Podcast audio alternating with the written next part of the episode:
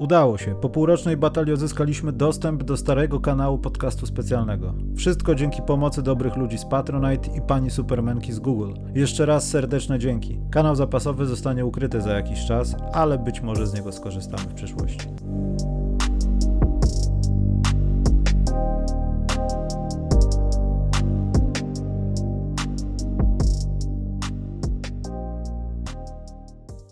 Ej, klawisze mi się żadne nie pomyliły. Dzień dobry wieczór, jesteśmy z Maćkiem Draftowym, który będzie znowu, Boże Święto, opowiadał mi o drafcie. Cześć Maciek. Cześć Michale, pogadamy Nie- o drafcie. Nie mogłem się doczekać tego momentu, naprawdę. Cały rok na to czekałem.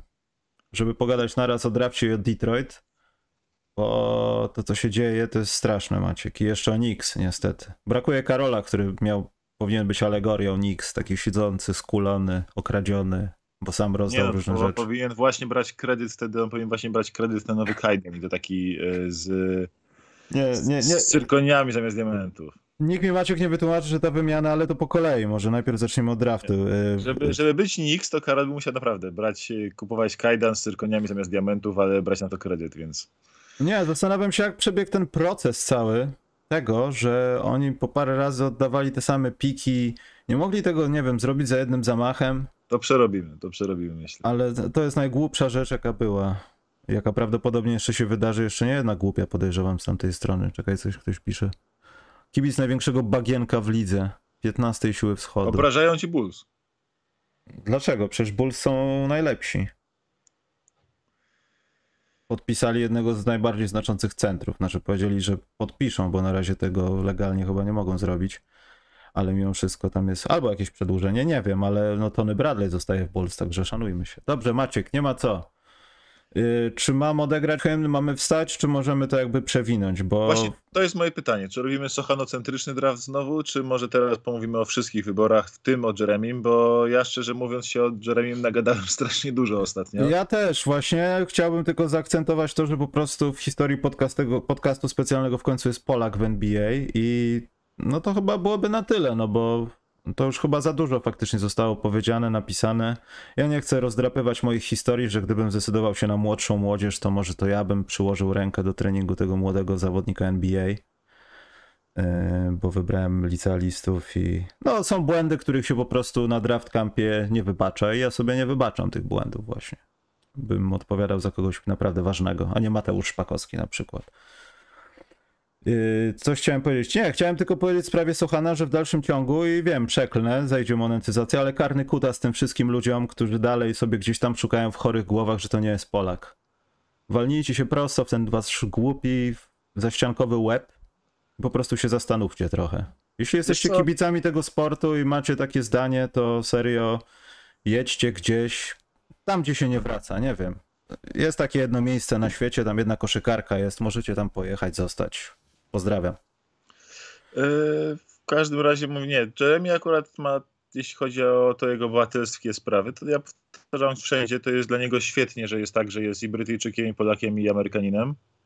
Yy, Bardzo dobrze, niech będzie sobie wszystkich nacji, bo w ten sposób mu się otwiera rynek i, zwiększa się jego znaczenie dla NBA, więc z jego punktu widzenia jego kontraktowego i z punktu widzenia rynkowego, marketingowego jest tylko dla niego dobrze, a to, co jakiś gość przed komputerem, jakiś hater będzie sobie tam truł i rzucał ku- własną kupą w, w ekran, y, patrząc po prostu na Polaka od, odchylającego się, od, odróżniającego się od jego ideału polskiego, patriotycznego piękna, no to mieć go w dupie i tyle. No, przepraszam bardzo, ale to jest niespecjalnie istotne i nie ma co poświęcać zbyt dużo uwagi takim ludziom, bo oni teraz zaleją internet, a zadanie agenta Jeremiego, jego rodziny i tak dalej jest mu wytłumaczyć, że to jest dobrze, że on y, ma, taką sytuację, że jest z kilku krajów i że to jest dobrze dla niego i że nie ma się przejmować baranami, bo barany będą w każdym kraju świata. W Stanach się na wielu natknie, natknie się na wielu w, y, w Wielkiej Brytanii i natknie się na wielu też w Polsce, więc nie ma co się nim przejmować, karawana jedzie dalej i Absolutnie się nie się przejmuję, tylko po prostu akcentuję ten fakt, że to w dalszym ciągu trwa i to mi się bardzo nie podoba. No, wiem, że rodzina, rodzina go chroni, starają się pilnować, żeby on tam za bardzo się nie nacinał na ten taki hejt w internecie, żeby mógł sobie cieszyć się tą chwilą, a nie przejmować się jakimiś kretynami. Ostatnia rzecz na ten temat, to chciałem powiedzieć, że y, mama, pani Aneta, ona, ona powinna trafić do NBA moim zdaniem. A tym podejść, tym takim niby photoshoot San Antonio, tej wywiady, no to jest cały on. To jest jakby, nie, nie, nie mówię o zdartej skórze, tym takim podejściu, wiesz, jesteś ze wszystkiego zadowolony, jest okej. Okay. To jest takie właśnie chyba trochę niepolskie i to wkurza Polaków, że chłopak jest zadowolony. Są jeszcze tacy ale... ludzie. Są jeszcze, ale Maciek, twój kolega z NBA, który już nie gra, mówił, że Jerem jest obwieszony złotem. Znowu Maciek mi się powiększa, zwariuje. To jest e, właśnie, ja może do tego przed na sekundkę tylko, ponieważ e, nie wiem, każdy, kto gadał z Marcinem chociaż raz na temat Jeremiego i każdy, kto przesłuchał cały ten wywiad e, w strefie Hanasa, tą, tą roz, rozmowę, słyszy, że Marcin bardzo, bardzo mu dobrze życzy jakby i tutaj nie ma jakichś takich negatywnych styków.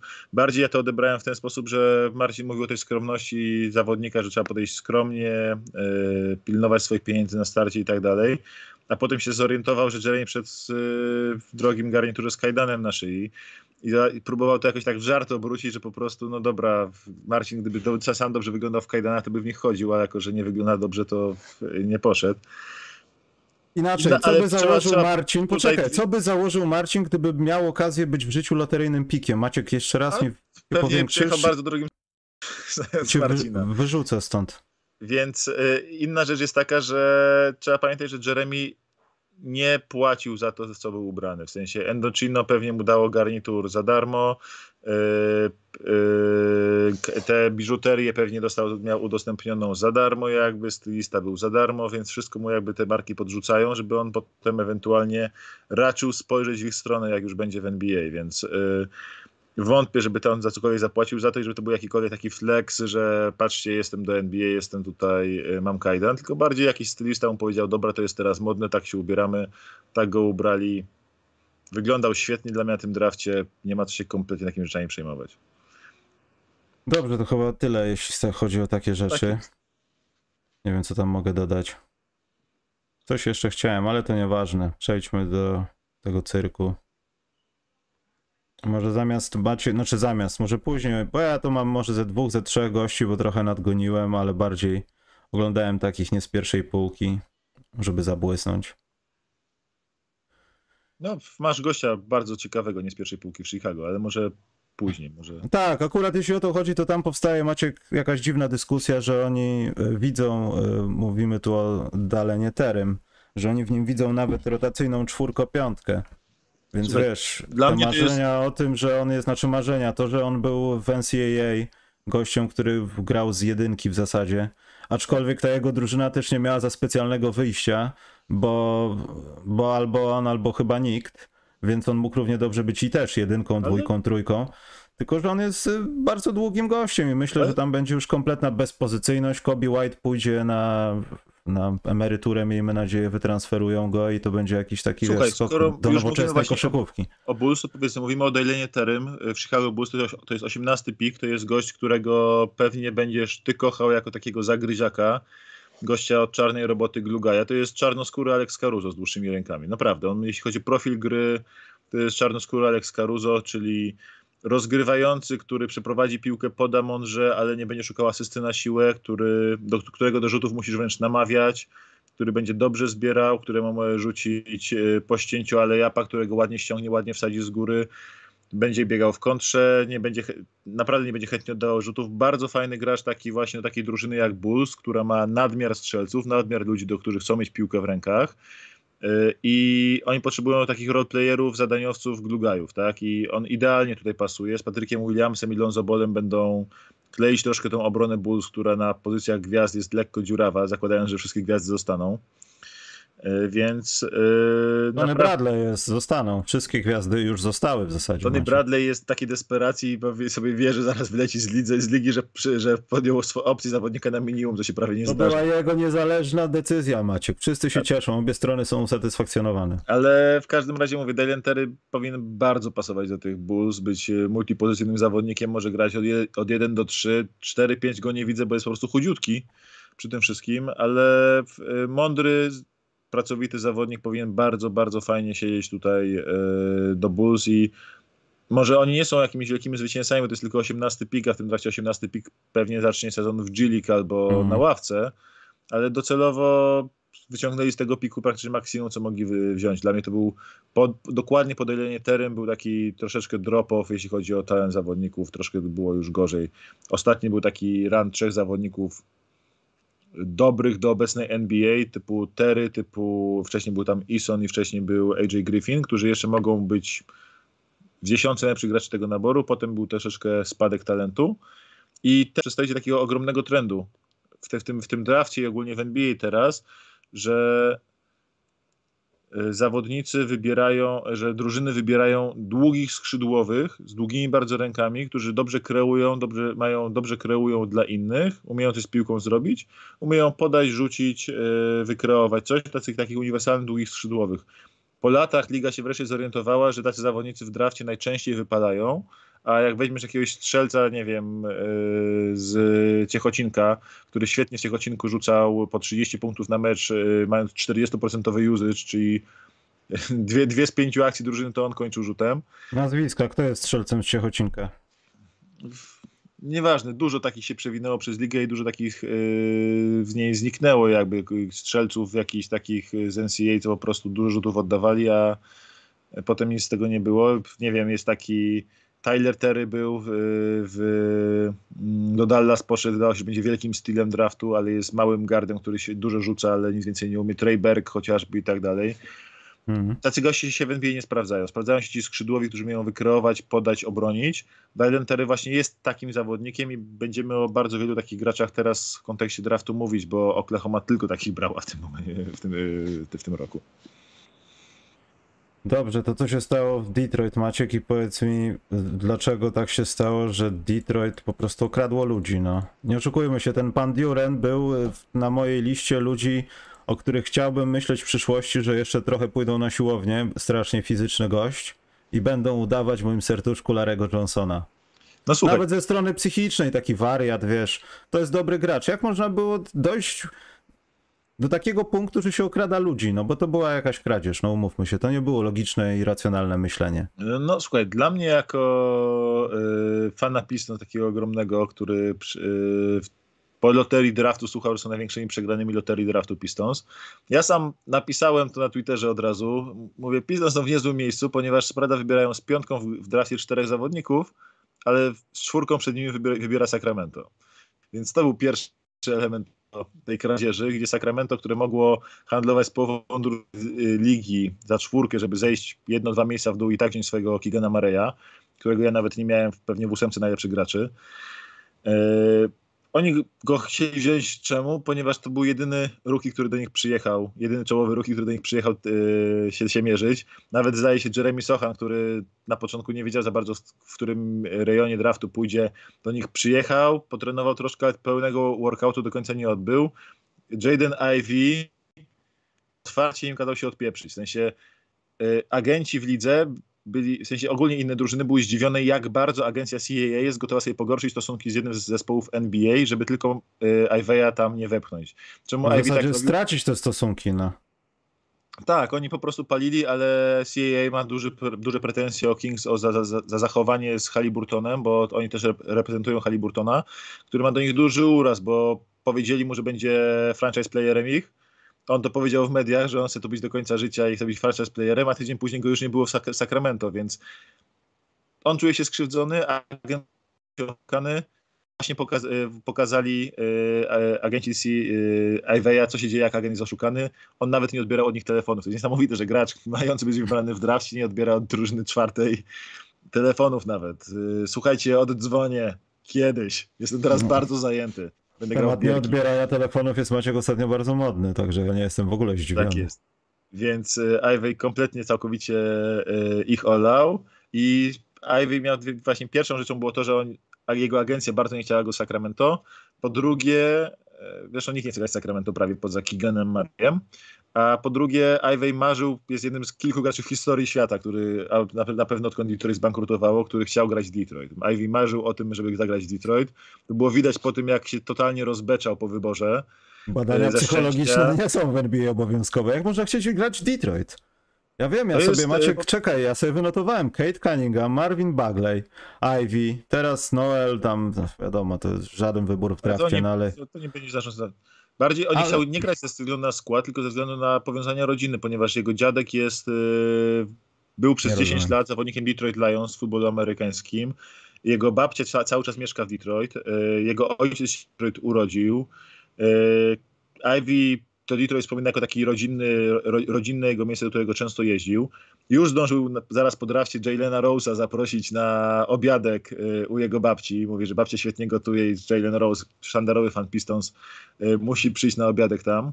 Więc on naprawdę chciał grać w Detroit. To jest niesamowite. On się tam rozpłakał, jak był wybierany, rozpłakał się na konferencji pomeczowej, jak dostał koszulkę swojego dziadka, jakieś takie rodzinne suweniry. Fantastyczne to było, więc to jest gigantyczne zwycięstwo Detroit, że tam Ivy trafił ale najlepsze jest to, że tuż przed draftem cała hala w Barclays spekulowała, że Pistons mogą wziąć z piątką Durena, jeśli Ivy do nich nie spadnie. Skąd była ta spekulacja? Ponieważ Pistons bardzo agresywnie chcieli e, wziąć e, siódemkę od Portland e, z Jeremy Grantem, ale się zorientowali w pewnym momencie, że dzień czy dwa przed draftem się zorientowali, że Portland tego piku im nie dadzą siódmego, ponieważ zostali Pistons przelicytowani, tak? Najpierw zostali przelicytowani, a potem Portland i tak wzięło Shadona Sharpa, bo zakochał się w nim Lillard i wszystkie deale zostały uwalone na tej siódemce, ponieważ Lillard stwierdził, nie, nie, nie bierzemy mojego gościa. E, ale Pistons e, chcieli tą siódemkę i z tą siódemką mieli brać właśnie Durena. Jak się okazało, że tej siódemki nie będą mieli, pojawia się spekulacja, że nawet z piątką go mogą wziąć.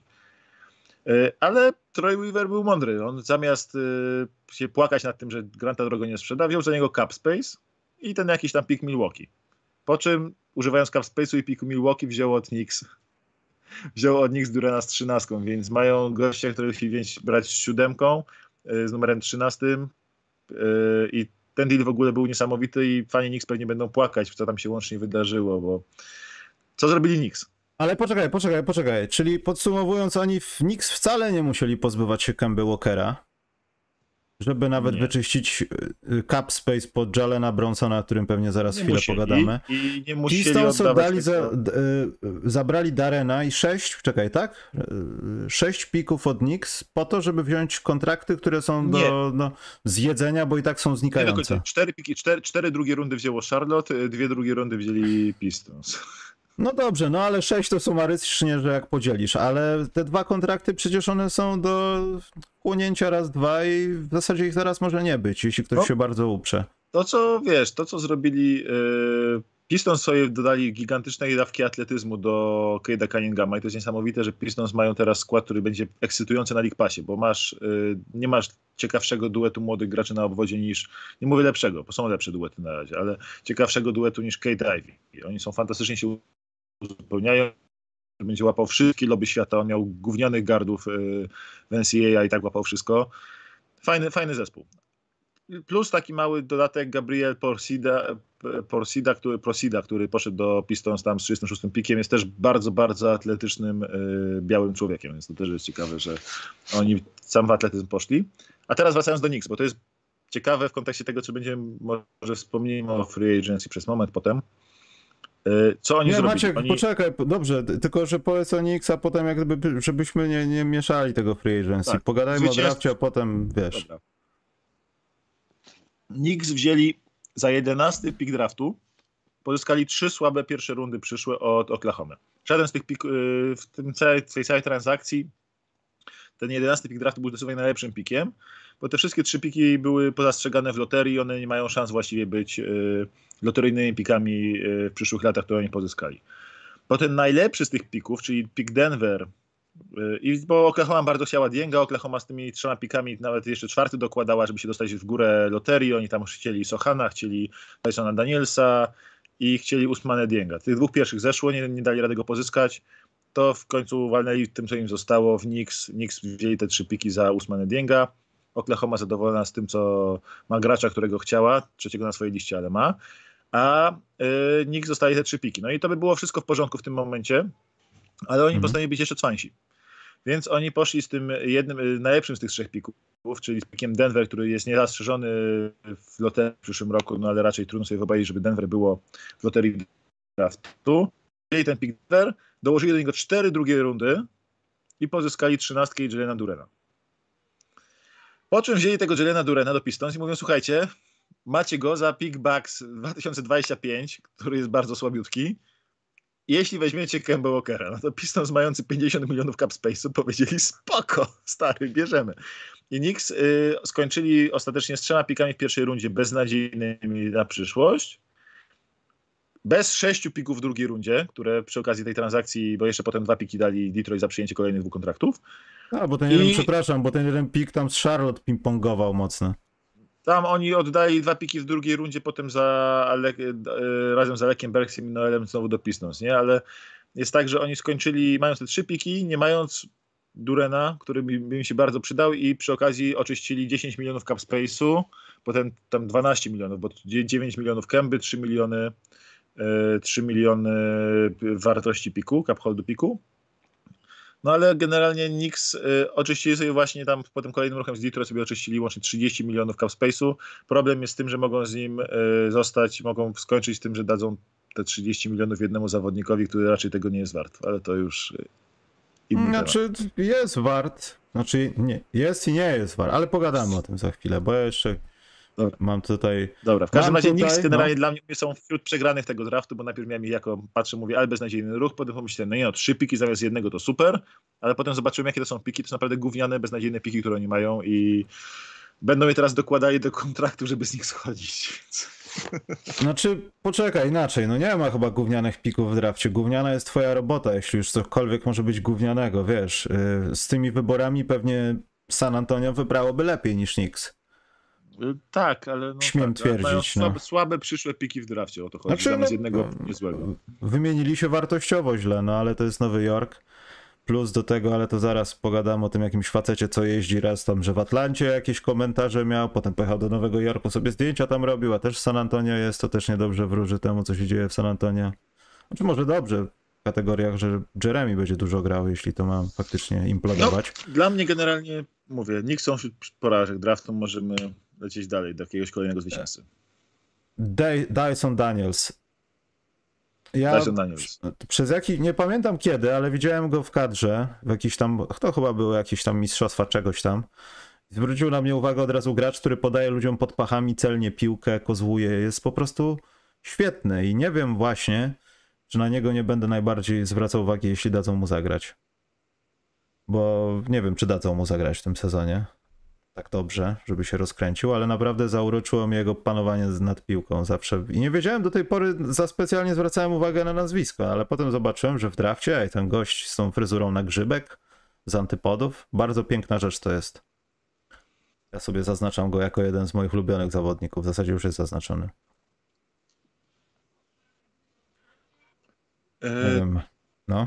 Daniels generalnie tak. Daniels to jest w ogóle ciekawa, mm, ciekawa historia, bo Daniels był e, gościem, który to jest jedna z tych rzeczy, która powoduje, że G-League jest bardzo, bardzo e, ta G-League Ignite ma, odniosła spory sukces w tym roku. Mimo, że w zeszłym roku miała, e, dostarczyli dwa piki w top 7 draftu, tak, czyli Jelena Greena i Jonathana Kumingę, to to byli goście, którzy wcześniej typowani tak wysoko. Dyson Daniels był przed tym sezonem typowany na granicę top 20 a on, y, a on jakby poszedł bardzo mocno w górę, y, bardzo mocno poszedł w górę draftu, y, pokazując całą masę umiejętności troszkę innych niż był, się go podejrzewano o te umiejętności. Myślano, że on będzie free and skrzydłowym, a się okazuje, że jest bardzo dużym rozgrywającym, defensywnym, który fajnie napędza grę zespołu i on bardzo pasuje do Pelicans i ja go dlatego od dłuższego czasu bardzo typowałem do tych Pelicans y, przy tym, jak on gra i co on y,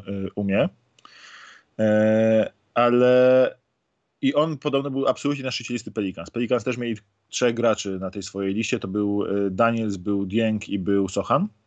Tam w kolejności trudno powiedzieć, czy był Dieng, czy Sochan wyżej. Na pewno był na pierwszym miejscu Daniels u nich, więc jak Daniels do nich spadł, a Oklahoma chciała pozyskać ósemkę, żeby wziąć Sochana, to Pelicans powiedzieli, kazali im sobie pójść daleko, ponieważ oni Danielsa bardzo, bardzo chcieli. On idealnie pasuje do CJ McColluma na obwodzie Pelicans i idealnie pasuje w ogóle do tego konceptu, który oni budują, czyli długich graczy, gdzie każdy może kozłować, bo ich CJ, mm. i Daniels, i Ingram, i Zion, i Herb Jones nawet ma jakieś tego namiastki taki zespół właśnie, gdzie wszyscy mogą kozłować, gdzie paruje z gości od obrony, paruje z ataku, Daniels nie potrzebuje dużo piłki w rękach. I jako, że tutaj mi jeden kolega na czacie tam zarzuca dużo kłamstw i tak dalej, Właśnie chciałem cię Maciek zdisować, ale to w sekcji pytanek cię zdisuję. Bo zaraz, się bardzo... do nich, zaraz się do nich zaraz, zaraz się do nich szybciutko odwołam. Yy, to Daniels na przykład yy, też workout w Kings yy, przerwał, w sensie on tam zdaje się przyjechał, ale w końcu workoutu nie był, tylko porozmawiał z managementem, on tam nie odbył pełnego, na pewno pełnego workoutu na boisku. Mhm. Zasłaniając jakąś kontuzją, kiedy się zorientował po prostu, że ma zagwarantowany wybór w top 8, bo prawdopodobnie dostał obietnicę od Pelicans E, I e, Daniels jakby mając wybór od pewniejszego miejsca, ciekawszego dla siebie, w Kings zaczął się okazało, że nagle ciężko mu się, e, ciężko mu być. Zresztą tak, z tych graczy tutaj kolega wymienił tutaj na czacie, że był na workacie Holmgren, Murray, Sochan, Maturin i Griffin. To Griffin, przypominam, jest 16 pikiem draftu, więc on bardzo by chciał być czwartym wybrany, bo to jest trzy razy więcej pieniędzy. Holmgren nie odbył pełnego workoutu, tylko się spotkał z managementem. Y, Marej był jedynym gościem, który się spotkał nie tylko z y, klubem, nie tylko był workout, ale też się spotkał z drużyną, z Dearonem Foxem i tak dalej i bardzo otwarcie to deklarował. Maturin też odbył, y, odbył workout, ale też nie aż taki intensywny jak w kilku innych miejscach, bo na przykład to był kilkugodzinny tylko trening lekki. Dla Pistons trenował, odbył, odbył dwa treningi, jeden defensywny, jeden ofensywny, że tak powiem, więc tu są pewne różnice jednak i fakt, że paru graczy chce grać dla Kings, to nie znaczy, to paru to w kontekście całego draftu jest nikt. Umówmy się. Dobra, Maciek, taki... mnie to obchodzi, czy kłamiesz, czy nie kłamiesz. Kłamiesz? Nie, nie, nie, nie kłamię, no nie kłamię. Jak... No i bardzo dobrze, no i temat tak. rozwiązany jest. A niejaki Monty McNair twierdził cały czas, że tak, Monty Mac... sam, sam Monty McNair twierdził z Kings, sam? że że oni rozmawiali, odby, odbyli rozmowy z Ivy'em. Problem z tym jest taki, że Ivy generalnie nie, nie chciał dla nich grać i twierdził, że Sacramento miejsce dobre jak każde inne. Tak jak to powiedział, jak się go zapytali, czy to jest dobre miejsce dla niego. That's the spirit. E, dobrze, bo o tym Danielsiu chciałeś skończyć, a mam jeszcze jednego mojego faworyta. I możesz coś powiedzieć Daniels, pójdziemy do free agency. Daniels, Proszę. Daniels, Daniels, Daniels jest super jakby co, także i dawać jego faworyta. E, Charlotte Hornets, o których rozmawialiśmy że kłopoty z trenerem. Okazało się, że stare, dobre rozwiązania. Nie wiem, może Maciek ty kojarzysz, był taki serial, mm, co ludzie powiedzą, aczkolwiek po angielsku nazywał się Keeping Up with Appearances, czy coś takiego. Oczywiście Hiacynta, Ryszard i tak dalej, i tam był ten powolniak.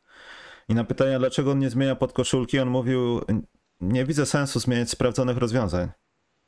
I myślę, że Hornet zrobili to samo po pierwsze z trenerem, a po drugie po Marku Williamsie trochę widać, że Michael Jordan posterował tym draftem i stwierdził, dobra, lata 90. potrzebujemy kloca pod kosz. Gościa, którym może nie biec, ale jak stanie, to jest koniec. Taki John Hot Rod Williams z wielką, z, z większą e, wydajnością bicepsów, bo jest znacznie lepiej zbudowany niż jego Wiesz co? Kolega z przeszłości. I to mi się podoba. Potrzebujemy klocy pod koszem. Piękna rzecz to jest. Ja patrząc na Hornets mam kolejny jakby taki element, y, dla mnie to jest kolejna drużyna, która przegrała w tym drafcie, ponieważ oni mają tego młodego Lamelo i mają moment na obudowę tego zespołu maksymalnym, y, obudowego maksymalnym możliwym potencjałem graczy, tak? Mogą sobie podokładać mm. jakichś graczy, którzy mogą się sprawić, przydać, pomóc, yy, pasować do niego, nie wiem, yy, a oni co oni zrobili? Oddali jeden pik, ale nie po to, żeby zejść z kontraktu i sobie poprawić sytuację w cap space, tylko po prostu oddali ten pik za piki cztery drugie rundy. To jest deal, który obie strony przegrały, tak? Bo Knicks oddali, pozyskali ten pik 13 od nich i go i tak nie wykorzystali, a Hornets pozyskali ten pik za e, przyszły słaby cztery drugie rundy, kiedy są drużyną, która musi mieć asety na teraz, na już, tak? Żeby tego Lamela obudować, żeby fajnie z nim biegali. I mogli spokojnie wyjść z tego draftu na przykład z AJ-em Griffinem i Joelem Durenem gdzie obaj zawodnicy mają potencjał na skończenie w top 5 tego draftu, jeśli chodzi o nie oceniać kariery za 15 lat i mogą być obaj w top 5 tego draftu. Małe szanse mają na to, ale obaj mają takie, ale obaj mają. Mark Williams yy, to jest pewnie teraz największy gość w NBA, jeśli chodzi o zasięg ramion, o standing reach. Yy, gabarytowo przypomina Rudiego Goberta bardziej, tylko to jest bardziej energiczne, ale troszkę gorzej się rusza na nogach może być y, bardzo dobrym graczem w NBA, ale jest tylko centrem, jest 15 wybrany, to jest dobry wybór z 15. Ja sam go pewnie miałem troszkę wyżej, jako chodzi o sam skill. Kwestia jest tego, że no jest centrem, a centrzy nie są wysoko cenieni w NBA, nie? Ale to jak Charlotte, hmm. z czym, z czym Charlotte wyszło z tego draftu, Charlotte wyszło z Markiem z centrem jednym, i tam nic więcej nie mają. Oni mają, mają tego centra, dołożyli, dołożą go sobie do piątki. Mają cały czas po drafcie nierozwiązany problem z tym, że mają bardzo drogiego Gordona Haywarda. Mają martwe 10 milionów cap space'u na kontrakt Nika Batuma. I mają teraz Milesa Bridgesa, który może dostać nawet maxa w, free, w trakcie free agency. I oni mają kompletnie zapchany zapchane salary, mimo że nawet w playoffach nie są. Więc to jest. Yy, no i trenera, a... który prawdopodobnie w lutym będzie byłym trenerem, albo jeszcze w tym roku przestanie być trenerem Charlotte Hornets. No, no to jest niewiarygodne. się może no. pokłócić z Lamelo generalnie, bo to, nie, bo to jest gość grający the right way, a Lamelo jest troszkę bardzo frywolny, że tak powiem. Mm. Więc to, to, to wszystko jest jakby, drużyna jest myślę jednym z największych przegranych tego draftu. Zobaczymy, co się wydarzy w off-season, a jeśli w off-season się okaże, że na przykład stracili Milesa Bridgesa, to no cóż, to są tylko Charlotte Hornets. Ale to się wszystko zaczynało u właściciela, który niestety jest dosyć skąpy i się za bardzo wtrąca w zarządzanie drużyną. Najchętniej sam by w to zagrał. E, na mojej liście mam jeszcze taki ma malutki ptaszek, pan Jowicz, ale ja chciałbym być ostrożny i zobaczyć, jak on wyjdzie na boisko, nie robić sobie żadnych nadziei i tak dalej. Ale to jest też obiecująca rzecz, jeśli Miami Heat chce cokolwiek. Czy on poszedł gdzieś dalej, bo ja już nie pamiętam, to było tydzień temu. Chyba nie poszedł dalej. Jowicz Miami. Znaczy Jowowicz. Jowicz, tak. znaczy Jowicz, Jowicz, tak. poszedł, Jowicz poszedł do Miami. I tego lubisz? Czy... Ja go lubię, wiesz. Ja nie zgadzam się z tym, wiadomo, no jak były te wybory, to różne rzeczy tam się czytało gdzieś chyba na The Athletic przeczytałem, że on jest tak dobry, a zwłaszcza ostatnio jest tak dobry, że Miami może dodać dwa sety ofensywne do swojej gry, żeby go wykorzystywać. Nie wiem w którym roku i nie wiem kiedy, ale no trochę za dużo tego optymizmu, ale on mi się podoba. Nawet jeśli nie pasowałby do Miami, to w jakiejś drużynie myślę, że będzie, będzie się spisywał. Tylko u niego chyba podstawową rzeczą jest to, że on musi grać, a nie być tylko wybranym w drafcie jako idź. Wiesz co, u niego jest ten problem, że on jest kolejnym graczem z tej samej generacji, o tym mówiłem też wcześniej, że on jest graczem z generacji nie wiem, takim kolejnym białym, utalentowanym, rozgrywającym wysokim z Europy, typu Deni Avdia, typu Dario Saric, typu Lukas Amanic, y, typu troszkę mniej, ale, ale Smajlagic, tak? I oni wszyscy, żeby się odnaleźć w NBA, żaden z nich nie, był, nie grał w tej roli, którą, dostał, którą miał w Europie. Ani Saric, ani Samanic jako rozgrywający skrzydłowi się nie odnaleźli. Y, Jowic jest rozgrywającym skrzydłowo centrem, który też może mieć problem, żeby się w tej roli odnaleźć w NBA, bo ponieważ jest, jest zwyczajnie za wolny, jest dużym, bardzo płynnie ruszającym się jak na białego, wysokiego człowiekiem, ale jak na warunki NBA jest dużym białym klocem, który sobie lubi, lubi pokazułować. No ale ofensywnie... Mamy, mamy dosłownie jednego dużego białego kloca w NBA, który sobie dobrze radzi w NBA, e, kozłując i rozgrywając, tak? Ale on jest MVP, więc troszkę trudno do, do niego porównywać, mimo podobnych nazwisk. E, I Jowicz który czasem przekozuje piłkę, ale w ataku on może być bałem Adebayo minus atletyzm. Problem jest taki, że ja w obronie go nie bardzo widzę. Nie bardzo widzę, jak może grać Miami z nim w obronie, dobrze go wykorzystując. I jego szybkość po prostu, ja mam problem z tym, że on nie widzę za bardzo, jak on na nogach ma bronić yy, zawodników NBA na pozycji 4 albo nawet na 3, bo w Europie grał nawet na trójce, a siłowo i jeśli chodzi o szybkość rotacji i instynkty takie defensywne na rotacjach, nie jest gościem na centra, bo nawet on, w obecnej NBA, NBA nawet nie musi być bardzo silny, żeby grać centra, ale musi się dobrze rotować, jak Chet Holmgren. Świetnie czyta pomoc, dobrze się rotuje na pomocy, dobrze idzie do bloków, mimo że nie jest bardzo silny, jako center się może odnajdować w nowej NBA. Jowicz nie rusza się tak szybko na stopach, nie czyta tak pomocy, nie skacze tak dobrze do bloków, nie chroni tak dobrze obręczy. Mam poważny problem z tym, w jakiej on będzie roli. Mam wrażenie, że jego max, i to taki max to jest taki Dario Saric, powiedzmy, troszeczkę inaczej grający, ale Darius Saric, czyli rezerwowy center, silny skrzydłowy, który jest charakterny, nieźle rzuca, trochę się, trochę się walczy, ale tam wiele więcej nie ma, no, więc Deni Avdia to jest już poziom nieosiągalny dla Jowicia, bo Deni Avdia jest dużo lepszy na stopach niż yy, Jowic. Mi bardziej chodziło o stronę ofensywną, że to, to mnie to, to on w ataku może być Adebayo, minus atletyzm, ale w obronie trudno takim, trudno takim wysokim grać teraz w NBA. To jest strasznie smutne, nie? bo to jest kurczę, ja gram pod koszem samo jak gram sobie w amatorce i bardzo lubię sobie poprzypychać się, poruszać półhaczki i się pobawić, tak? Ale tacy goście teraz w NBA nie mają racji bytu. Jeśli jesteś wysokim, który jest dziurą w obronie, musi być genialny w ataku. Ja nie wątpię, żeby Jowić był genialny w ataku, bo on nie zdominował, on był dobry bardzo w lidze adriatyckiej, ale nawet jej nie zdominował, więc nie, nie, nie widzę go aż tak bardzo y, tak, jako, jako przechwytu tego draftu. Hmm. Czy słyszałeś coś już o próbach samobójczych Kigana Mareya, czy jeszcze... Nie, Kigan Marey według mnie będzie, on się świetnie odnajdzie w Sacramento, bo on tam bardzo pasuje jako taki fit do zespołu. To właśnie tak śmieję z Sacramento, że tam nikt nie chce grać i że tylko Kigan Marey chciał tam grać, więc go wzięli. Ale prawda jest taka, że Kigan Marey tam ogólnie pasuje. Tylko problem jest taki, że... Pasuje ktokolwiek żyjący do Sacramento? On bardzo dobrze pasuje, w sensie sam skład na papierze jako koncept bo to bo, bo, musimy odróżnić koncept od zespołu. Koncept, gdzie mamy Foxa, y, ofensywnego garda, który był fantastyczny po odejściu Haliburtona. Mamy da, y, Michela, który będzie bardzo dobrym obrońcą, będzie krył rozgrywających rywali, żeby Fox mógł odpoczywać na rzucających obrońcach, powiedzmy. Kigana Mareya i Harrisona Barnesa, którzy tak naprawdę są z jednej sztancy wycięci. Y, to są gracze, którzy grają po jednym, dwóch kozłach, dobry rzut za trzy, przyzwoita obrona, dobry ogar na boisku i na centrze do Mantasa Sabonisa. No ten zespół w obronie świetnie nie będzie, w ataku będzie niezły. Yy, wszystko jeśli wisi na Foxie. Ja mam problem, że ja przestałem wierzyć w Foxa jakiś rok temu. Kompletnie przestałem w niego wierzyć jako gracza, który czyni innych lepszymi. To dobrze, nie będziesz mnie pytał w kółko o wymianę tego A nie, zawodnika. wymienić się możemy zawsze, bo to fantazja to jest inna rzecz. Jesus. Ale problem, ale Sacramento generalnie jako taki koncept tego składu, że mają bardzo dużo skrzydłowych, bo mają też jeszcze tego Dante Di Vincenzo na przykład w składzie, tak, który też mm. będzie do przedłużenia tego lata, że zbierają chmarę skrzydłowych, dwóch, trzech rozgrywających, teraz dwóch, tak, bo Davion Mitchell i Darren Fox i ten center Sabonis, do, do, dookoła którego wszystko się kręci to jest koncept jest niezły.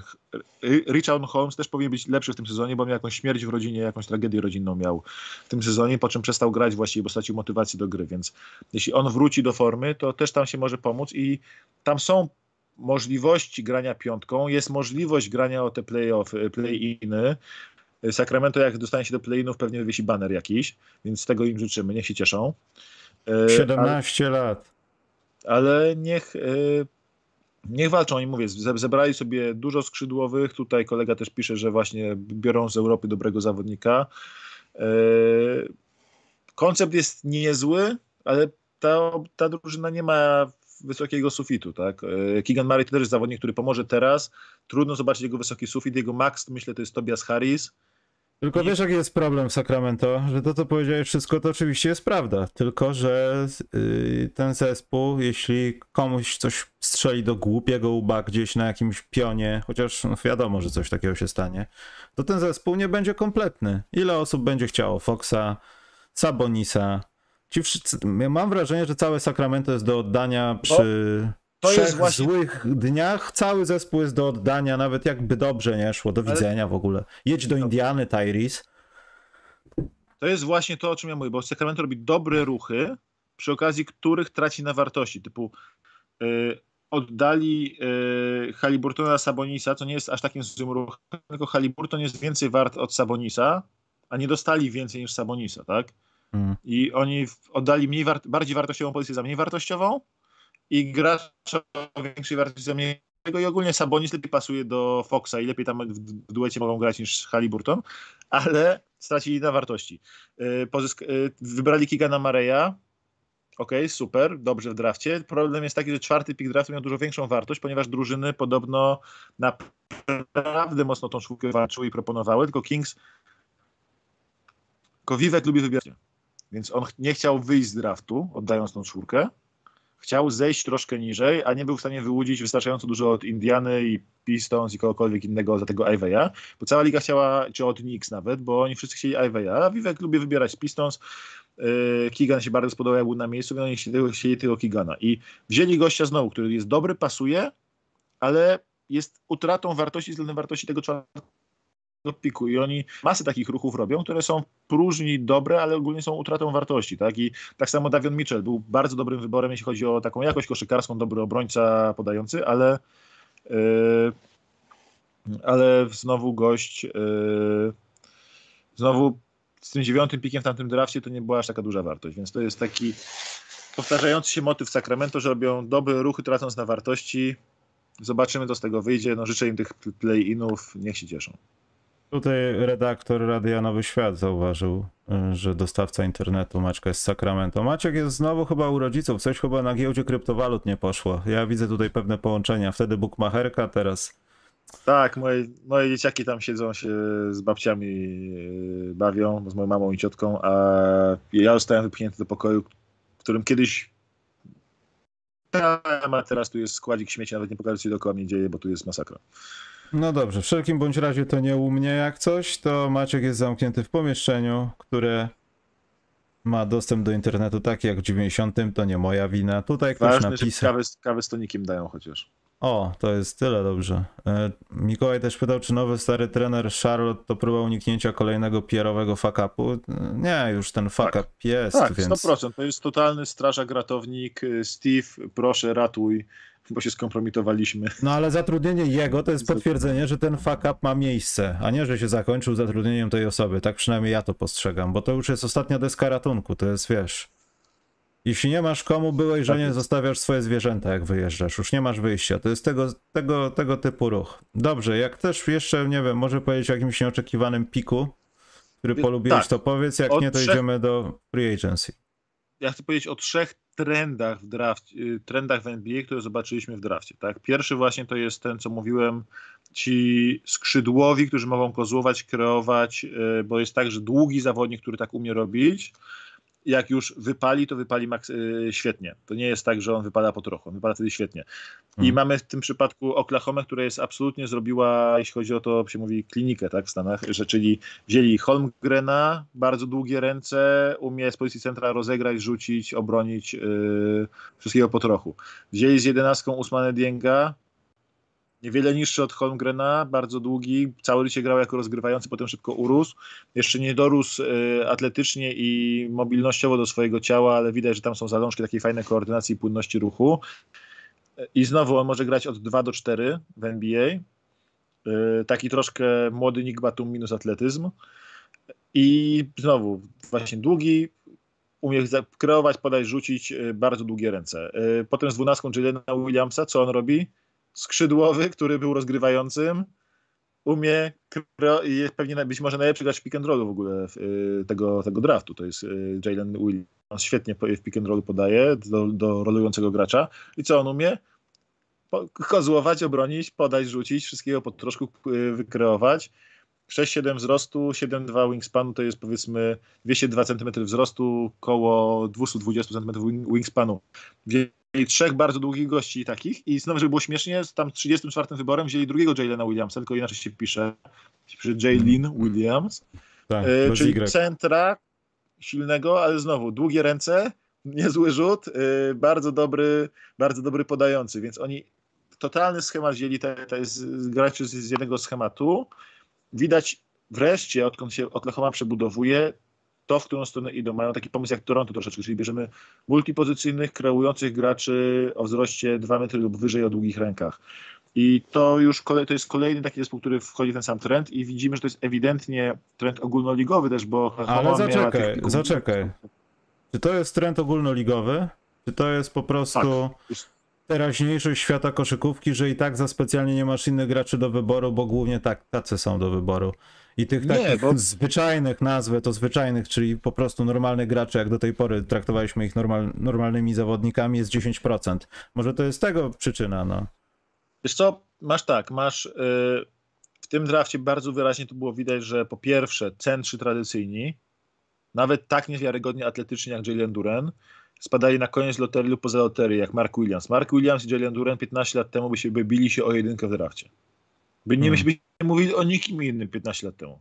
Byśmy się zastanawiali, czy Duren, czy Williams będą pierwsi w drafcie. Cała reszta draftu by się nie liczyła. Są, to jest tak jakby przeskok teraz jakościowy jest, względem tego, co było, e, co było kiedyś. Więc ci centrzy widzimy gołym okiem, jak polecieli. W pierwszej rundzie draftu nie został wybrany ani jeden guard o wzroście poniżej 6,3, już pamiętam, poniżej 6,7 albo poniżej 6 6,3. Ani jeden guard taki nie został wybrany. Sami wysocy zawodnicy, więksi, ponieważ mały guard jest bardzo trudny, żeby grać im w obronie. Ani jeden poniżej wzrostu 6,3. Najniższy w całym drafcie jest e, Ty Ty Washington, w sensie w pierwszej rundzie draftu, T. Washington, który w Kentucky grając potrafił dominować gardów rywali fizycznie, a tutaj jest najmniejszym zawodnikiem wybranym w pierwszej rundzie draftu, więc to jest bardzo wyraźnie trend. Bierzemy wyższych zawodników, nawet bardziej surowych, ponieważ ci mniejsi się nie odnajdują. Kennedy Chandler, gość, który poszedł w drugiej rundzie draftu dopiero, to jest hmm. facet, który ma wszystko poza wzrostem. Umie dobrze bronić, jak na, jak na NCAA, na NBA będzie mało fizyczny. Jest doskonałym podającym w pick and rollu, broni, rzuca, wszystko robi, ale jest kurduplem. I się przez to w NBA yy, Osobą niskorosłą, Maciek. Teraz tak się mówi. Tak osobą niskorosłą. Nie kurduplem, osobą yy, niskorosłą, Maciek.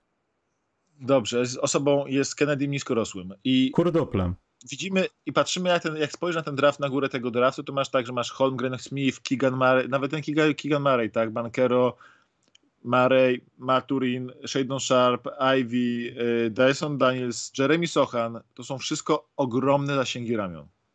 Pierwszym gościem, który nie ma wyjątkowo mocno takiego dodatniego zasięgu ramion, y, to jest y, tutaj Johnny Davis a on też jest dobrym obrońcą skrzydłowym, który może grać na kilku pozycjach, więc to jest bardzo, bardzo wyraźnie trend, który bardzo mocno widać w tym drafcie, że zadaniowcy nawet na pozycji 2-4 są często dużo więcej warci niż potencjalne gwiazdy na, na rozegraniu, ponieważ mamy tak dużo gardów, którzy mogą być gwiazdami w NBA, że lepiej wziąć rzadkiego zadaniowca, który będzie ci mógł bronić kilka pozycji i, i grać obok gwiazdy, niż szukać tej gwiazdy u jakiegoś garda. Bo 20 punktów w NBA teraz zdobywa chyba 70 paru zawodników, zdobywało w, w, w, ostatnim sezonie po 20 punktów na mecz, tam 60 paru.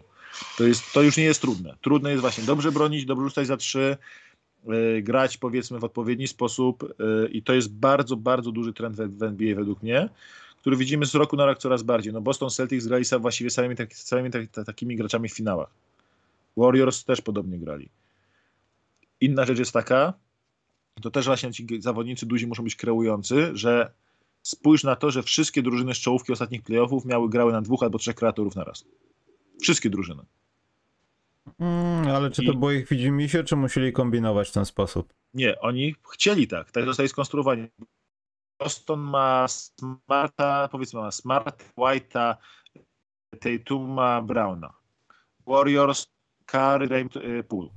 E, niżej zejdziemy Dallas, był Luka, najlepiej był Luka Brunson, Dinwiddie. E, Bucks, powiedzmy, Janis Holiday i tak dalej, i tak dalej. E, Hit. I w każdym te drużyny wszystkie grają na wielu kreatorów. I teraz też tak mamy, że Pistons sobie do swojego Cade'a dołożyli drugiego kreatora Iveya.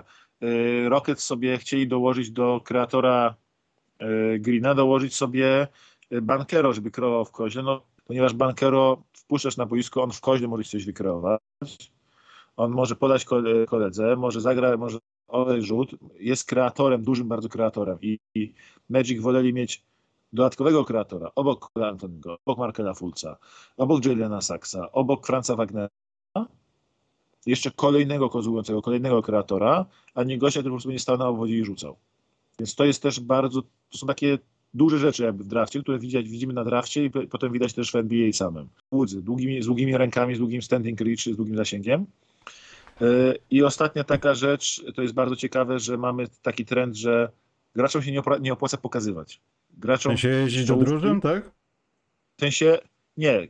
Gdyby Jalen Hardy, Jaden Hardy, tak jak Shadon Sharp schował się gdzieś na rok, w jakiejś myśli dziurze, przyszedł na ten draft, został wybrany w loterii poszedł grać z dorosłymi w G-League i się okazało, no, że trudno mu się tam gra, no bo ma dużo lepszych obrońców i gra przeciwko dziadom, a nie jakimś dzieciakom.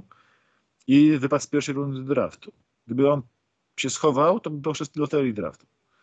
A z drugiej strony to jest jedna rzecz, że graczom się opłaca po prostu nie grać na uczelni, bo ta uczelnia coraz mniej znaczy. Mieliśmy wybory, pod, w zeszłym roku był Zaire Williams beznadziejny na uczelni, który poszedł z dziesiątką draftu. W tym roku mieliśmy w pierwszej rundzie Patryka Baldwina Juniora, który był absolutnie fatalny na uczelni, jeszcze miał fatalne pomiary atletyczne. On ma niższy wyskok dosiężny niż ja miałem y, na studiach. On skacze, on skacze z miejsca 6, niecałe 60 centymetrów, a maksymalny wyskok y, z, z rozbiegu ma 67. To są jaja jak na zawodnika NBA. Ale on poszedł, bo był świetny w liceum i Golden State po prostu totalnie olało to, że był fatalny y, na studiach, tylko go wzięło, jakby to się nie liczyło. Peyton Watson, gość to było 3 punkty na mecz w NCAA ale był bardzo dobry w liceum. Denver olało kompletnie jego track record z NCAA. Graczom się coraz mniej opłaca, jeśli chcą być wybrani wysoko w drafcie, pokazywać scoutom takich y, setupach NCAA, G League i tak dalej, a z drugiej strony się im bardzo nie opłaca nie pokazywać na draft combine. Masa zawodników ogromnie dużo straciła, nie pokazał się na draft combine. I Hardy, i jest masa takich wyborów z drugiej rundy, którzy przez to, że się nie pokazali na combine, spadli w drafcie kilkanaście pozycji. Czy Caleb Houston, czy y, Jalen Hardy, czy y, Kendall Brown, czy to będzie, nie wiem, J.D. Davison. Jest dużo zawodników, którzy pospadali w drafcie przez to, że się nie raczyli ruszyć dupki na y, draft combine, bo stwierdzili, że są zbyt dużymi gwiazdami na to. No i to się, to się okazało, że gdyby wystąpili tam, pewnie by byli w pierwszej rundzie, nie wystąpili tam, są ledwo w drugiej.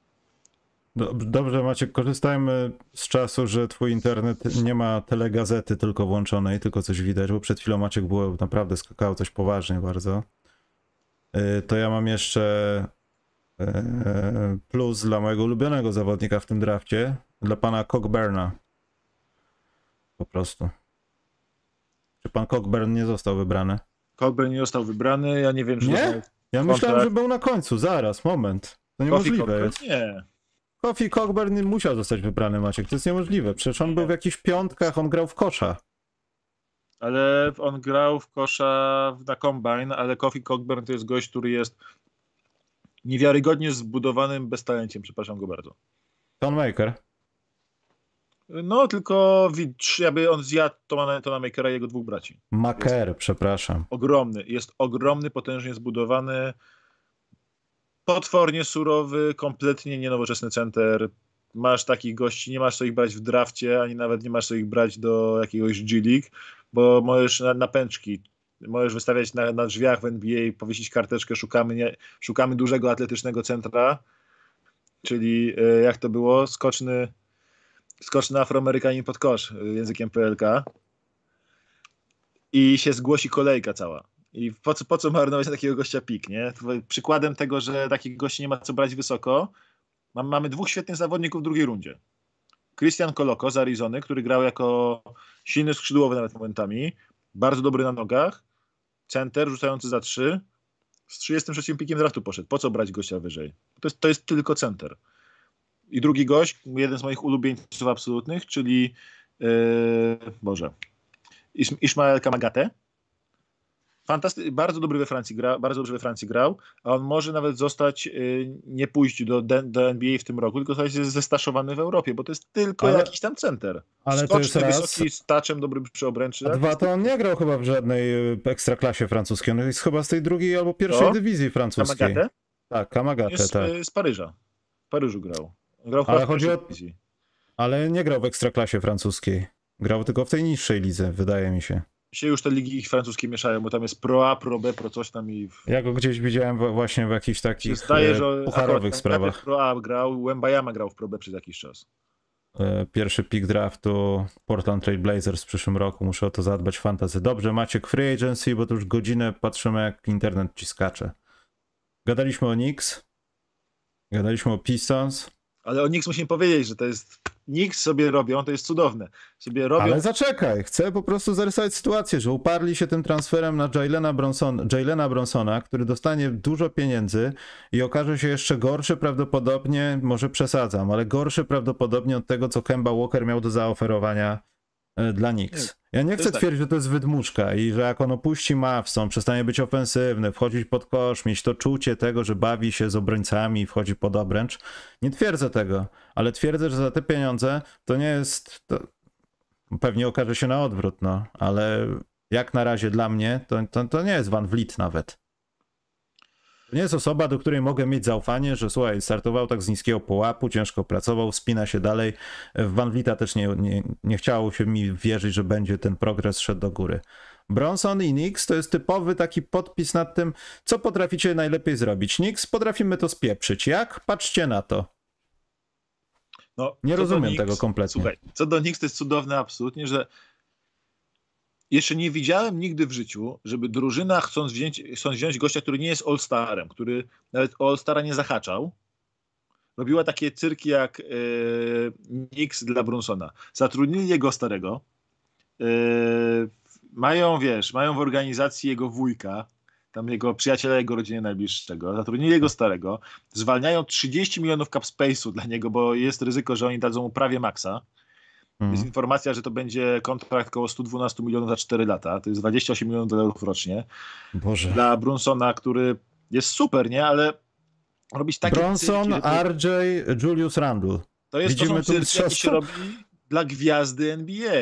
Gościa, który zmienia ci drużynę, który go wbierzesz i nagle mówisz, wow, jesteśmy w playoffach. To jest mhm. tak ten poziom. A to jest Brunson, który czy się zmieni jakość Knicks, jeśli tam będzie Brunson, RJ i Julius Randle cały czas i nie wiem, na trójce Evan Fournier, a na piątce Mitchell Robinson. Czyli mamy piątkę Brunson, RJ Barrett, y, Evan Fournier, y, Julius Randle i Mitchell Robinson. Przecież ta, to nie jest piątka na playoffy nawet. A robimy takie ceregiele, abyśmy po prostu walczyli o nie wiadomo co. Ja staram się przed rozpoczęciem, przed potwierdzeniem tego, że naprawdę Brunson dostanie ten hajs, bo aż nie chce mi się wierzyć, nie śmiać głośno z Nix, bo się czuję jak Chandler w odcinku Przyjaciół, co mu zakazali żartować. Hmm. Po prostu staram się nie żartować, nie żartować i tak się jeszcze na nich wyżyję. Bo oni, już pomijam to, że oni teraz dokładają piki do tych wszystkich fantastycznych kontraktów, które podpisali rok temu lub w trakcie zeszłego sezonu, bo Kębę podpisali w trakcie sezonu, Noela podpisali i Aleka Berksa i się fani bronili ich, że no to są tylko dwuletnie kontrakty z opcją, z opcją drużyny, one wcale nie są takie złe, są, są takie, że już musiałeś dołożyć do nich pik, żeby się z nich pozbyć, tak? Mhm. E, więc to są, oddali sześć pików, żeby się pozbyć tych trzech, tych trzech gości w drugiej rundzie, więc o czym my tu w ogóle rozmawiamy? O czym i zrezygnowali z Durena, żeby się żeby to zrobić. Oni po prostu zrobili kretynizm na free agency w zeszłym roku i teraz mam wrażenie, że wzięcie, bo Brunson jest super, póki jest gościem za 15 milionów, 20 milionów. Jakby nie gościem na 30 milionów, to za, zamiast mówić o tym, jaki jest dobry na boisku, będziemy mówić o tym, ile on hajsu zarabia i czemu, czemu za dużo. I ile mniej od Westbrooka i są już kandydatem idealnym do spalenia się, e, spalenia, spalenia się e, we, we, free agency jako tutaj największy przegrany, ale czekajmy, ja się pośmieję z nich jak coś, e, jak coś zrobią konkretnego. To chyba będzie ostatnia rzecz, bo ja już pomijam, że tam John Wall. W zasadzie może uda się w weekend z Karolem połączyć, bo Karol trochę podupadł na zdrowiu, ale może się połączymy, żeby podsumować, co tam po pierwszym będzie się działo, bo nie wiem, czy na żywo to się opłaca robić, ale to jeszcze pomyślimy o tym. Yy, no bo mamy Walla, który tam e, migocze coś i fantazjuje o Clippers, ale to chyba moim zdaniem nie, może, może... Będzie w Clippers, on jest... O, ja bym, ja bym... A czemu nie?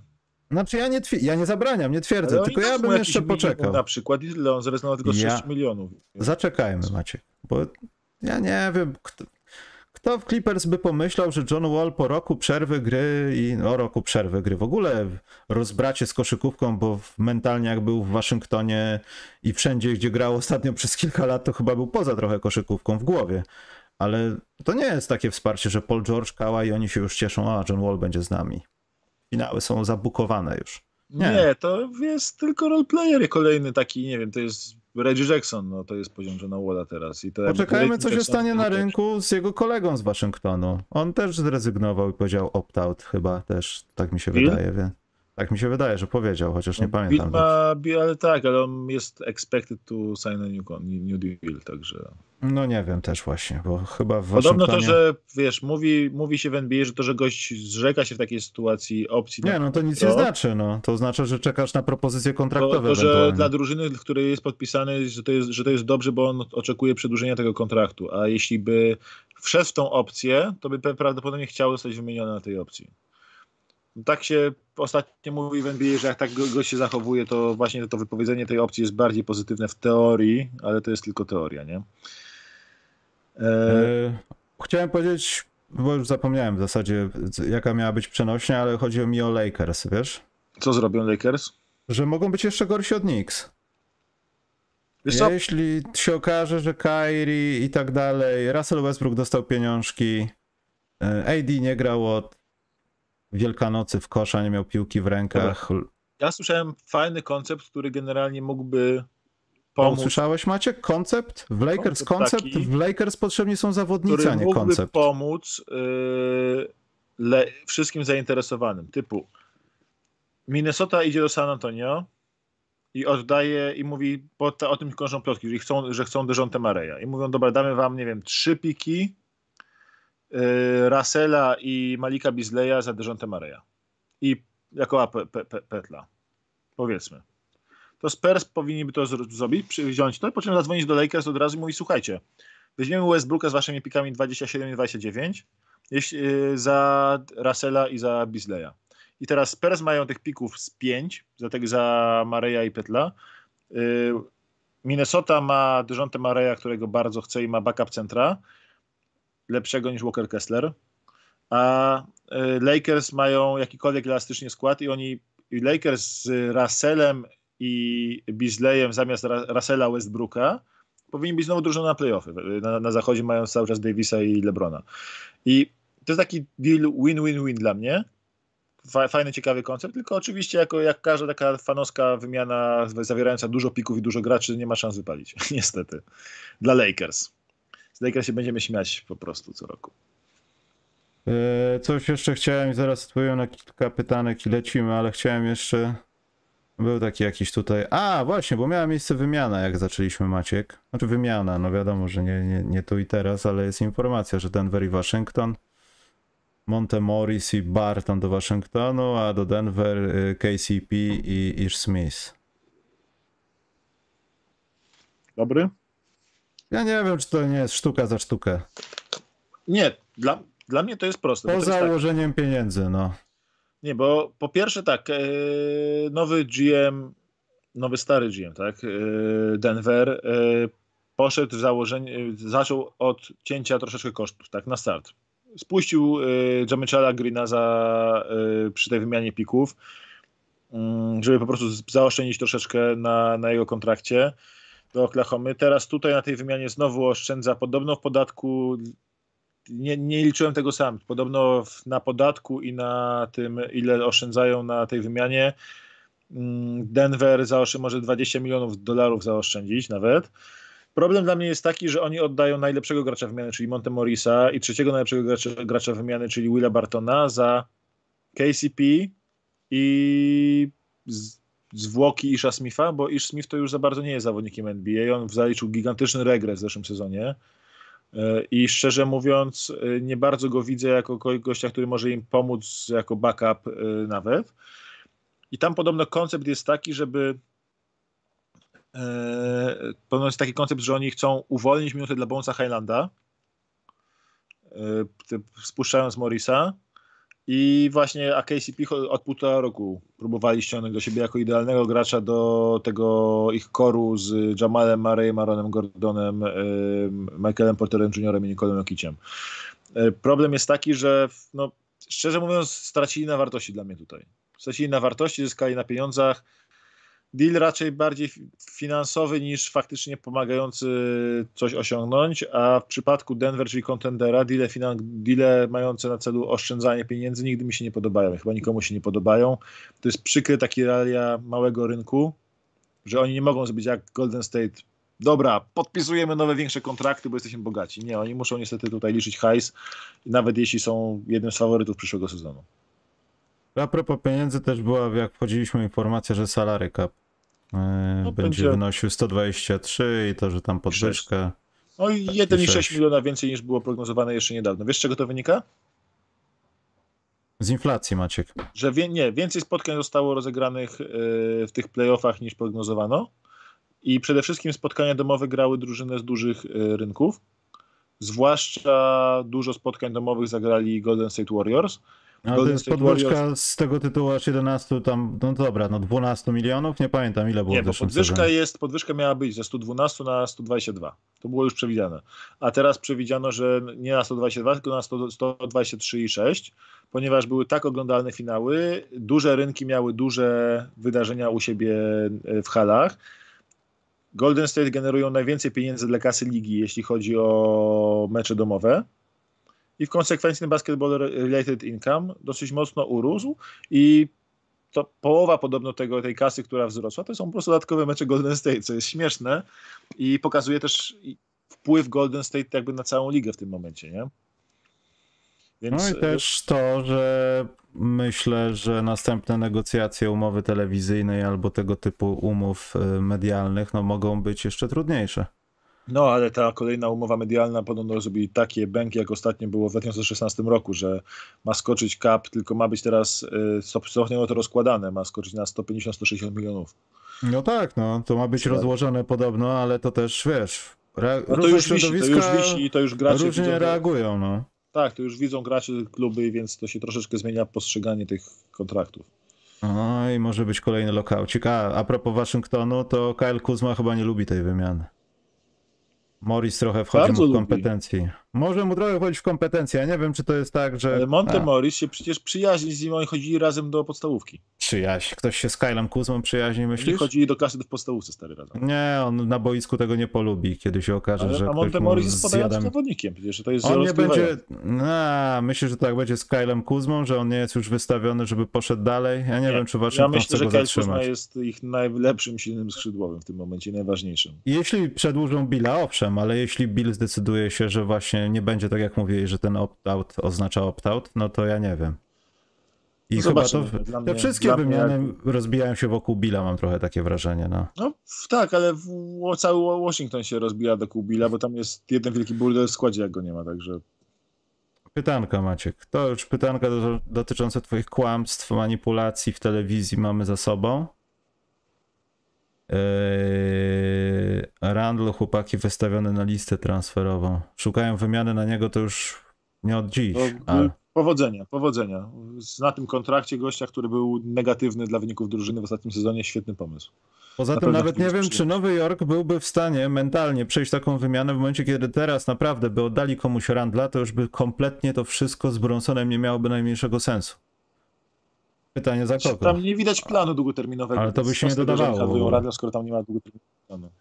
E, podobno Boston zainteresowany Marejem. Rozumiem, że DeJohntem Marejem. Good deal. Ja nie wiem, kim jest kto jest zainteresowany Marejem. Były jakieś fotki na Instagramie Trey Young, ktoś się jarał. Potem Marej był w Nowym Jorku. Czy tam dalej jest?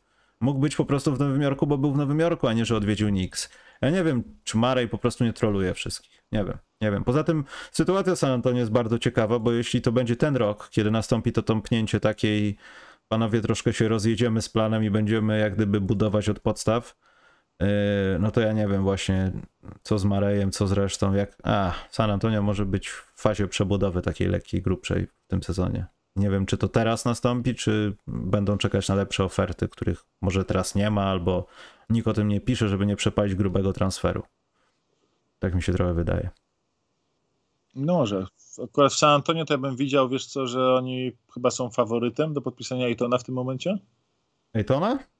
No. Czyli tak po prostu, żeby ominąć proces badania i od razu podpisać. Nie, no w sensie oni mogą y, zaproponować Phoenix Sign Trade, który będzie dla Phoenix też pozytywny, typu dają im na przykład Loniego Walkera czy jakiegoś innego taki, takiego młodego gracza, którego mniej chcą. Y, do tego dokładają Josha Richardsona i Jakoa Petla. I Trudno, żeby Phoenix dostało cokolwiek więcej z rynku. Dla San Antonio to jest dobry deal. Mają wtedy centra bardzo dobrze wyszkolonego technicznie, który dobrze myśli. Takich gości historycznie całkiem San Antonio się, San Antonio się lubi. Więc wydaje mi się, że to jest taki optymalny, naturalny kierunek dla, dla Aytona i dla San Antonio, które miałoby swojego centra na lata jakby. I i, by, I z Marejem i z tą zgrają skrzydłowych, którą mają, czyli z Keldonem, z Waselem, z Sochanem, Joshem e, Primo. z tymi, których teraz wzięli w drafcie, Joshem Primo, którego akurat ja nie lubię za bardzo. E, ale tam z tym Branamem, z Wesleyem, e, mają tą zgraję skrzydłowych. Do tego by mieli Mareja, dwie gwiazdy, takie prawie gwiazdy, Mareja i Tona. No i to jest drużyna, która może już tam pomieszać troszeczkę i zależnie od rozwoju tych trzech skrzydłowych tak naprawdę iść w górę tabeli albo, albo nie. Więc oni mają taką ciekawą, ciekawą decyzję, czy handlują Mareja i robią nurka po Wembayama albo Skuta Hendersona w tym roku, albo nad pasowaniem jakby w tym momencie. Musisz powtórzyć Maciek ostatnie zdanie, bo będzie bardzo ciekawe, dowiemy się jutro mówię, mają ciekawą decyzję, czy brać Dejontę Mareja, czy oddawać Dejontę Mareja i nurkować po Wembajamę lub Scoota Hendersona w tegorocznym drafcie, najbliższym drafcie za rok, czy jednak e, e, brać Ejtona w tym roku Popowicza. Mm, ostatnie pytanie, co zrobić z Lawinem? W Chicago powinien niego walczyć czy odpuścić? Mikołaj, powiem ci, że ja bym go osobiście wyrzucił i rozpędził w cztery wiatry, ale e, wydaje mi się, że przy takiej, nie chcę powiedzieć filozofii, no ale przy jakimś takim planie Bulls, że no widać po tym, że oni się specjalnie nie angażują jakieś e, wielkie transfery, wielkie wymiany, bo też nie mają kim, nie mają po co. Myślę, że niestety więcej szkody by zrobiło odpuszczenie tego Lawina niż, yy, niż zostawienie go w składzie. Już wszystko jedno, czy tam się śmiać z niego, że jest dziurą w, ofensywie, w defensywie, czy nie. No ale mimo wszystko ofensywnie, kiedy widzieliśmy, że nie wiem, nie ma Demara, bo go izolują w 14. Maciek, od następnego programu, jak skaczesz, to cię wyrzucam z programu, obiecuję ci. Yy, to, to wybiło mnie, widzisz? To obawiam się, że Lawin po prostu jest chyba najlepszym wyjściem, jeśli nie zamierzasz dealować i robić grubych rzeczy, chociaż też po co robić grube rzeczy w tym składzie nie potrzeba aż tak dużo, żeby, żeby wygrywać top 4 przynajmniej jedno z 16 spotkań w sezonie. No. No to i tak byłby progres względem obecnego sezonu.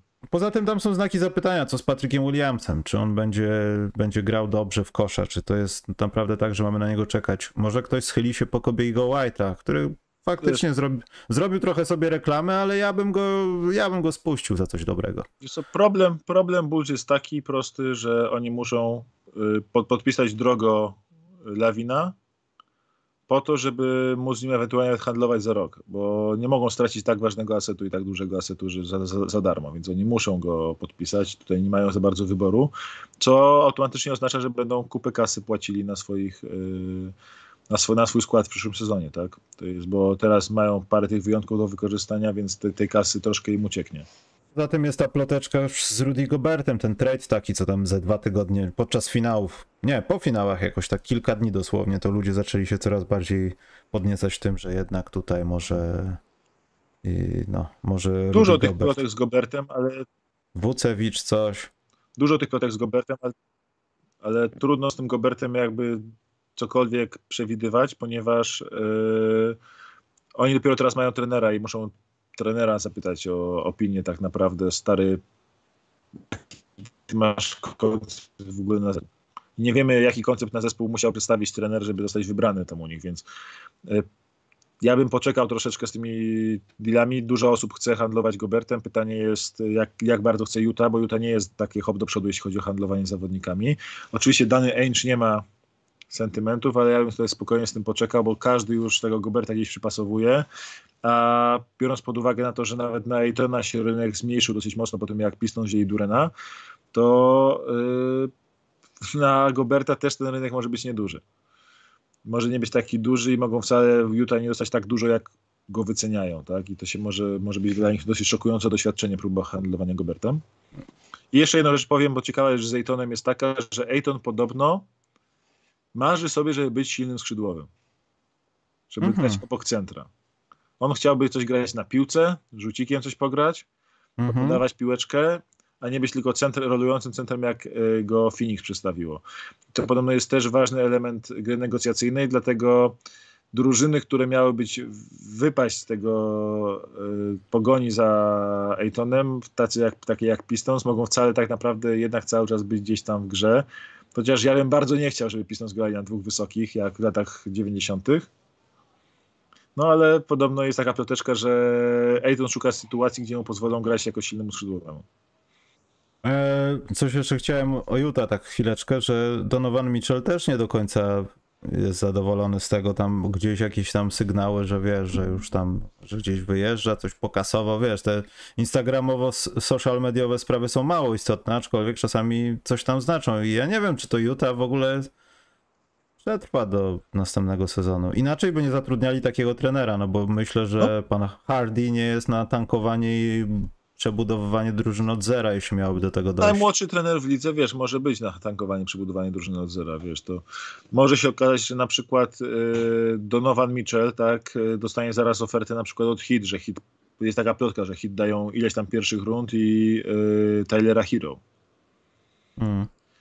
No to Zależy, zależy co jak wiesz, jaka jest sytuacja tak naprawdę, bo to, co się dzieje w Utah wewnątrz organizacji, to raczej tego oni nie wypuszczają takich informacji od siebie. Tak? Są drużyny, które likują wszystko, typu jak na przykład na drafcie się Wizards zainteresowali Sochanem, to raczej tak likować swoje zainteresowanie Sochanem, że całe Barclays Center było przekonane, że Sochan pójdzie dziesiątką do Wizards, bo a Wizards po prostu pytali wszystkich, nie przejmowali tym, czy ktoś się dowie, więc a Utah działa, działają na odwrót. Utah do ostatniej chwili trzymają raczej ciszę radiową i nagle robią bank, tak? I to jest taka różnica między nimi, więc ja bym trudno cokolwiek tam przewidywać, bo patrząc na nich, no to najlepiej byłoby przehandlować tych wszystkich weteranów dookoła i odbudować nie przebudowę całą, tylko taki tak, jak to mówią w NBA, czyli że wyrzucić paru tych weteranów, paru innych gości na ich miejsce pozyskać, spróbować jeszcze raz, zagrać z tym trzonem e, Mitchell Gobert po raz 754 jeszcze raz, ostatnią szansę im dać. Zobaczymy, czy to wyjdzie. Ja myślę, że wszyscy chcemy tam bomby, żeby coś się działo w NBA, a ta bomba może się wcale nie wydarzyć. Eee, no ale niestety to musi dotknąć San Antonio albo Utah w jednym z tych sezonów, któryś dwóch najbliższych to musi dotknąć te dwie ekipy, bo ja nie wierzę, że takie San Antonio przetrwa ten czas. Znaczy nie wierzę, chciałbym, żeby tak było, ale to, to już chyba za długo trwa i dobre czasy tego wszystkiego mogą się skończyć. Być, żeby była jakaś przerwa taka, wiesz, na sezon niestety, bo tutaj o przeskoku chyba nie ma mowy.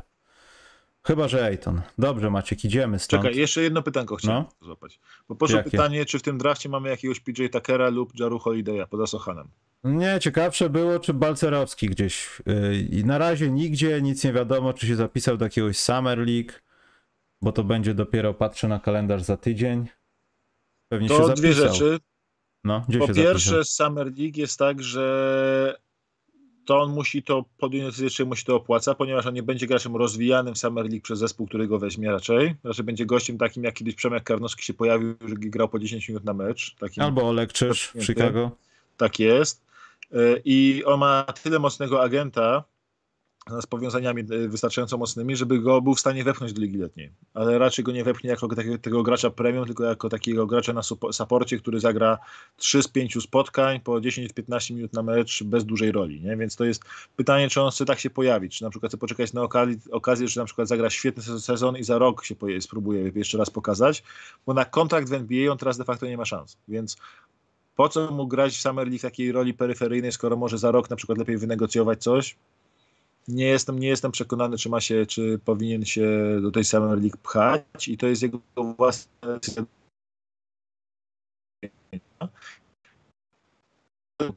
tak, aż o ile Jaru Holiday'a tutaj nie widzę w tym drafcie, bo to...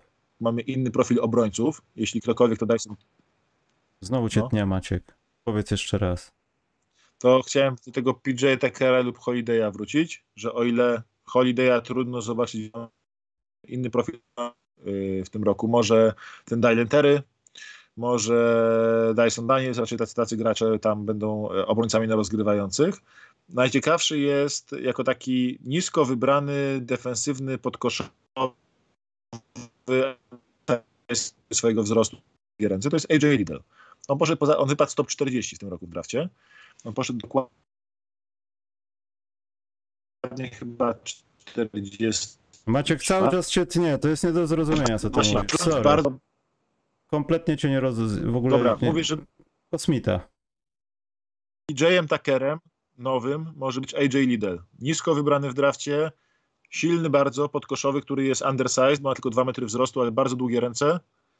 Dobrze rzuca za 3, dobrze broni, może grać silnego skrzydłowego lub centra y, i to jest taki klimat twardego, oldschoolowego obrońcy, który mówię, po brzuszku wygląda jakby po każdym treningu sobie odpadał pod prysznicem szluga i browara, szczerze mówiąc, ale taki oldschoolowy, oldschoolowy, oldschoolowy zawodnik, coś między Polem Millsapem a PJ-em Tuckerem właśnie.